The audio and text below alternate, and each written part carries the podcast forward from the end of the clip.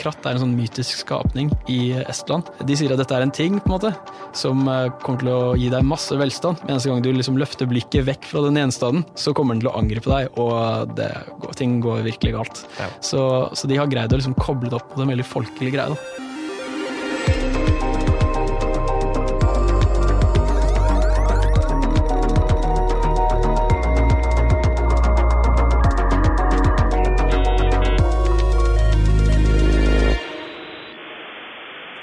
Jeg er Sebastian Storvik, det her er Dobbeltklikk. Med meg i dag har jeg igjen Alex Moltzau. Hei sann. Velkommen, velkommen. Du eh, ble invitert sist fordi du er en slags gærning som har bestemt deg for å skrive 500 artikler om AI. Det må lov, være lov å kalle deg litt gærning. Det skal du få lov til. Det er et eh, vanvittig prosjekt. Nå i det siste så har du fokusert på AI-strategier i flertall, ikke bare den norske, men også lest eh, noen av de utenlandske. Ja. Hva har du lært? Ja, så nå er jeg jo på en måte skrevet om de fleste AI-strategiene i verden som er nasjonale. Eh, og det er greit og viktig å påpeke at, eh, at det er veldig mange bedrifter kanskje som har AI-strategier, men nå har jeg spesifikt sett på stater. Um, og det jeg har lært, er at uh, veldig mange av dem sier mye av det samme. Uh, typ. Uh, og jeg kan jo oppsummere hvilke ting det er. Det er liksom sats mer på AI-forskning. Det kommer til å bli mye næringsutvikling på AI, derfor er det viktig. Og uh, nummer tre er jo fort um, sånn La oss begynne å bruke AI i staten også. Mm. Ja, så de tre, tingene, de, altså de tre tingene går jo veldig igjen i de fleste AI-strategier, og er mer sånn generell greie. Ja. Og hvis vi begynner med den norske, så den norske AI-strategien er jeg veldig glad for at vi har. Ja. For den, eh, den, kommer jo til å, å gjøre det lettere for, eh, for, folk å satse på AI i Norge. Eh, og det er veldig bra. Samtidig så er den også mye mer ansvarlig for borgerne. Eh, det er ikke så veldig mange AI-strategier der hvor det står spesifikt eh, at, at vi f.eks. har en slags rettighet i forhold til data såpass eksplisitt. Eh, og også at det skal være til det beste for alle borgerne i Norge. De har også sagt sånn at hvis det er nødvendig, så kan vi kreve at eh, data blir gjort tilgjengelig som en stat. Fordi det er fornuftig, og vi tenker at det er viktig at borgerne i Norge får det så bra som mulig. Mm. Derfor skal staten ta ansvar for det. Um, så det er jo veldig sånn eksplisitt uh, bra. Um, og det arbeidet de gjør sammen med Datatilsynet um, som en sånn fremoverlent aktør, det, det, må virkelig sies å være noe av det beste jeg har lest um, rundt omkring i de forskjellige strategiene. Mm, så kjennetegn for Norges AI-strategi er rett og slett personvern? Rett og slett. Uh, og det er veldig bra. Um, og så, ja, så er det de måte litt mindre, liksom, litt mindre bra sakene. Og jeg tror jeg nevnte det forrige gang også, i forbifarten. Mm. Det var at, at, det står om Det står om klimakrise i første setningen. Sånn, eh, andre setningen for så vidt, men det er et punktum men, eh, så jeg regner det som én setning. Mm -hmm. Samtidig så er det ikke så veldig beskrevet i strategien. Og det er litt sånn, Når man nevner noe i første setning, så bør man jo håpe at det er dekket i strategien. Så hvordan kan Norge virkelig satse mer på fornybar energi, på på en måte ny teknologi, hvordan kan bli Norge verdensledende på klimavennlig kunstig intelligens? Eh, hvordan kan Norge ta ansvar i hele liksom, leverandørnettverket sitt som tilbyr kunstig intelligens? Eh, hvordan kan datasentrene i Norge bli de aller mest bærekraftige som finnes i hele verden? Jeg, liksom, jeg savner det fokuset når det sies såpass tydelig i starten. Da. Og tenk om vi hadde det, da. Tenk om vi hadde det i Norden som, um, som et kjennetegn globalt Tenk om vi eh, gikk eh, i bresjen og, og sa eh, klimavennlig og bærekraftig kunstig intelligens. Det er et kjennetegn for Norden. Vi er utrolig ansvarlige. Datasenteret er smart i Norden fordi det er kaldere her. Det er mye bedre å ha datasentre i steder som er kjølige, for da slipper du nedkjøling fort. Og, og, det er også andre grunner for å liksom for å tenke fornuftig, både rundt bruken av kunstig intelligens på en samfunnsansvarlig måte, men også på klima og på økologi, ikke bare mennesker. Hvis vi holder oss i Norden, da, hvordan, eh, hvordan ser vi ut i forhold til våre naboer? Eh, vi er nederst. Eh, I hvert fall på noen indekser så scorer vi lavest. Så, Og scorer lavest på hva da? På flere forskjellige aspekter, men blant annet f.eks. Infrastruktur. Så liksom en av de topptingene til Finland for eksempel, er jo at de er utrolig gode på digital infrastruktur. Og det er ikke sånn at Norge er dårlig. Jeg vil understreke at Norge er ikke dårlig sånn internasjonalt, men det er bare at, eh, at vi har veldig flinke naboer også. Mm, og Finland er en av de beste? Ja, og vi er veldig heldige som har Finland som nabo. Eh, også pga. det eh, Elements of AI-kurset. Fordi den, den, generelle forståelsen for befolkningen av kunstig intelligens tror jeg er en av de viktigste suksesskriteriene for at vi skal eh, kunne begynne å implementere kunstig intelligens i samfunnet. Mm. For det, ja. Fortell litt om Element of AI. Så Elements of AI er et uh, kurs som Finland lagde, universitetet i Helsinki. De satte seg et mål om å nå 1% av befolkningen i Finland, og uh, det gjorde de. Mm. Sinnssykt at de gjorde det. Uh, og så tok Sverige og sa det skal vi også gjøre, vi skal kjempe på denne prosenten med Finland. Og så kommer Norge sluntrende etter, og med AI Challenge, da, som er integrert i den nye strategien som vi har, som ble gitt ut 14.1. Er det her kurs man tilbyr åpent for absolutt alle, eller hva, hvordan, hvordan, tilbys det kurset? Dette kurset er åpent for absolutt alle, og gir deg en introduksjon i kunstig intelligens, sånn at du forstår noen av grunnprinsippene. Eh, så dersom du utfordrer f.eks. alle i hele bedriften din, eller alle i hele seksjonen av staten sin, så er det på en måte noe av poenget med det. Sånn at du x antall folk kan ta det kurset. da. Mm. Um, fordi det er jo morsomt å slå naboene våre òg, uh, tenker jeg. da. Um, så, og det er jo veldig fint å komme på et sånn praktisk, uh, anvendelig plan i forståelsen av kunstig intelligens. Um, men det er fort at vi kan havne på en frykt uh, som det er, det er, viktig at vi tenker på risiko, men å, å være, ha frykt og bygge frykt og være redde eh, typ, istedenfor ansvarlige og fornuftige, det er, eh, kan være uheldig. Hva mer kan vi lære av Finland?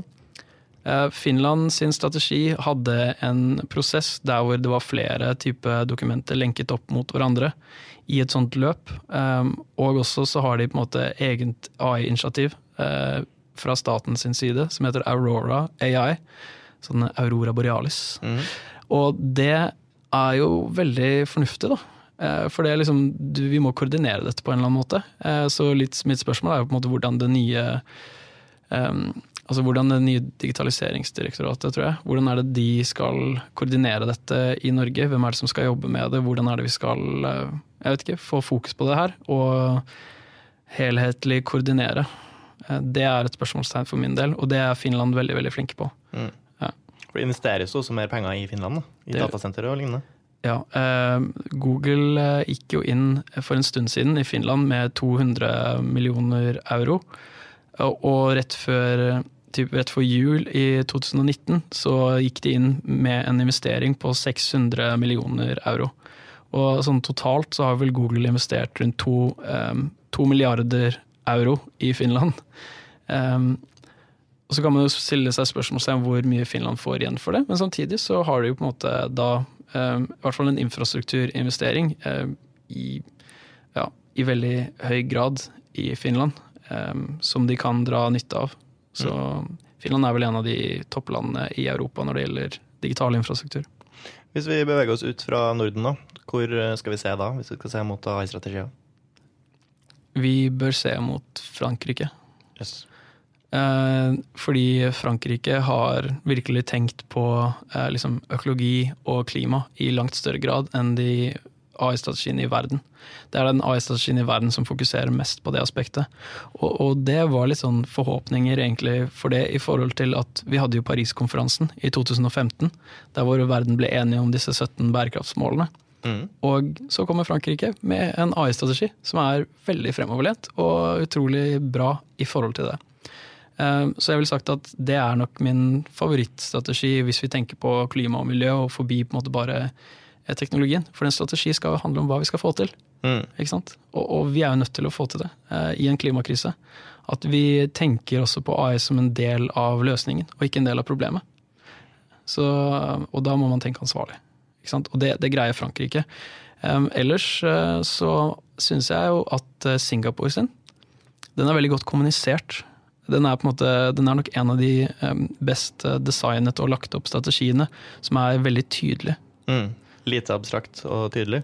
Eh, riktig. Og så på nummer tre så ville jeg sagt at eh, Estland, så Estonia, ikke sant. Mm. De har jo vært utrolig flinke til å bruke blockchain i staten ikke sant? Og i governance, men de er faktisk også veldig flinke til å kommunisere. Fordi det er en sånn slags sånn kratt-rapport, og Ja. kratt er en sånn mytisk skapning i Estland som, eh, som eh, da de sier at dette er en ting på en måte, som eh, kommer til å gi deg masse velstand. Men eneste gang du liksom løfter blikket vekk fra den gjenstanden, så kommer den til å angripe deg, og det ting går virkelig galt. Ja. Så, så de har greid å liksom koble det opp mot en veldig folkelig greie. Mm. Så mye bra strategier der ute. Eh, Norge sin kunne vært bedre, men den er ikke dårlig. Hva med hvis vi ser mot uh, USA og Kina? Hvordan ser det ut der? Eh, USA sin er en forsvarsstrategi. Eh, så det er på en måte AI arms race. Og det er liksom Obama sin, sitt fokus eh, når han holdt på med dette strategiske arbeidet rundt AI. Han nevnte f.eks. bærekraft og sånne type ting. Men Trump-administrasjonen det er liksom en 100% en, en forsvarsstrategi.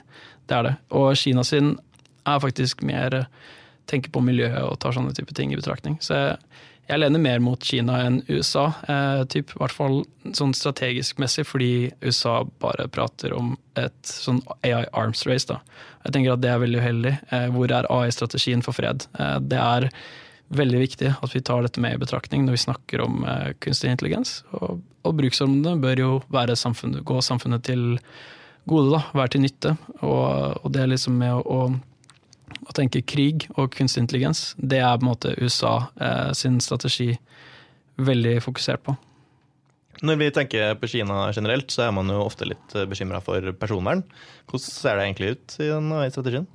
Um, så det er på en måte et ganske touchy subject, ja. uh, og jeg tror at uh, sånn at det er vanskelig å prate om uh, Kina og kunstig intelligens i den sammenhengen. Um, fordi det er Kina er Kina. Kina er Kina. Eh, ja. Så ja. Det liksom Det brukes jo på en måte til å prøve å overvåke og, og så videre.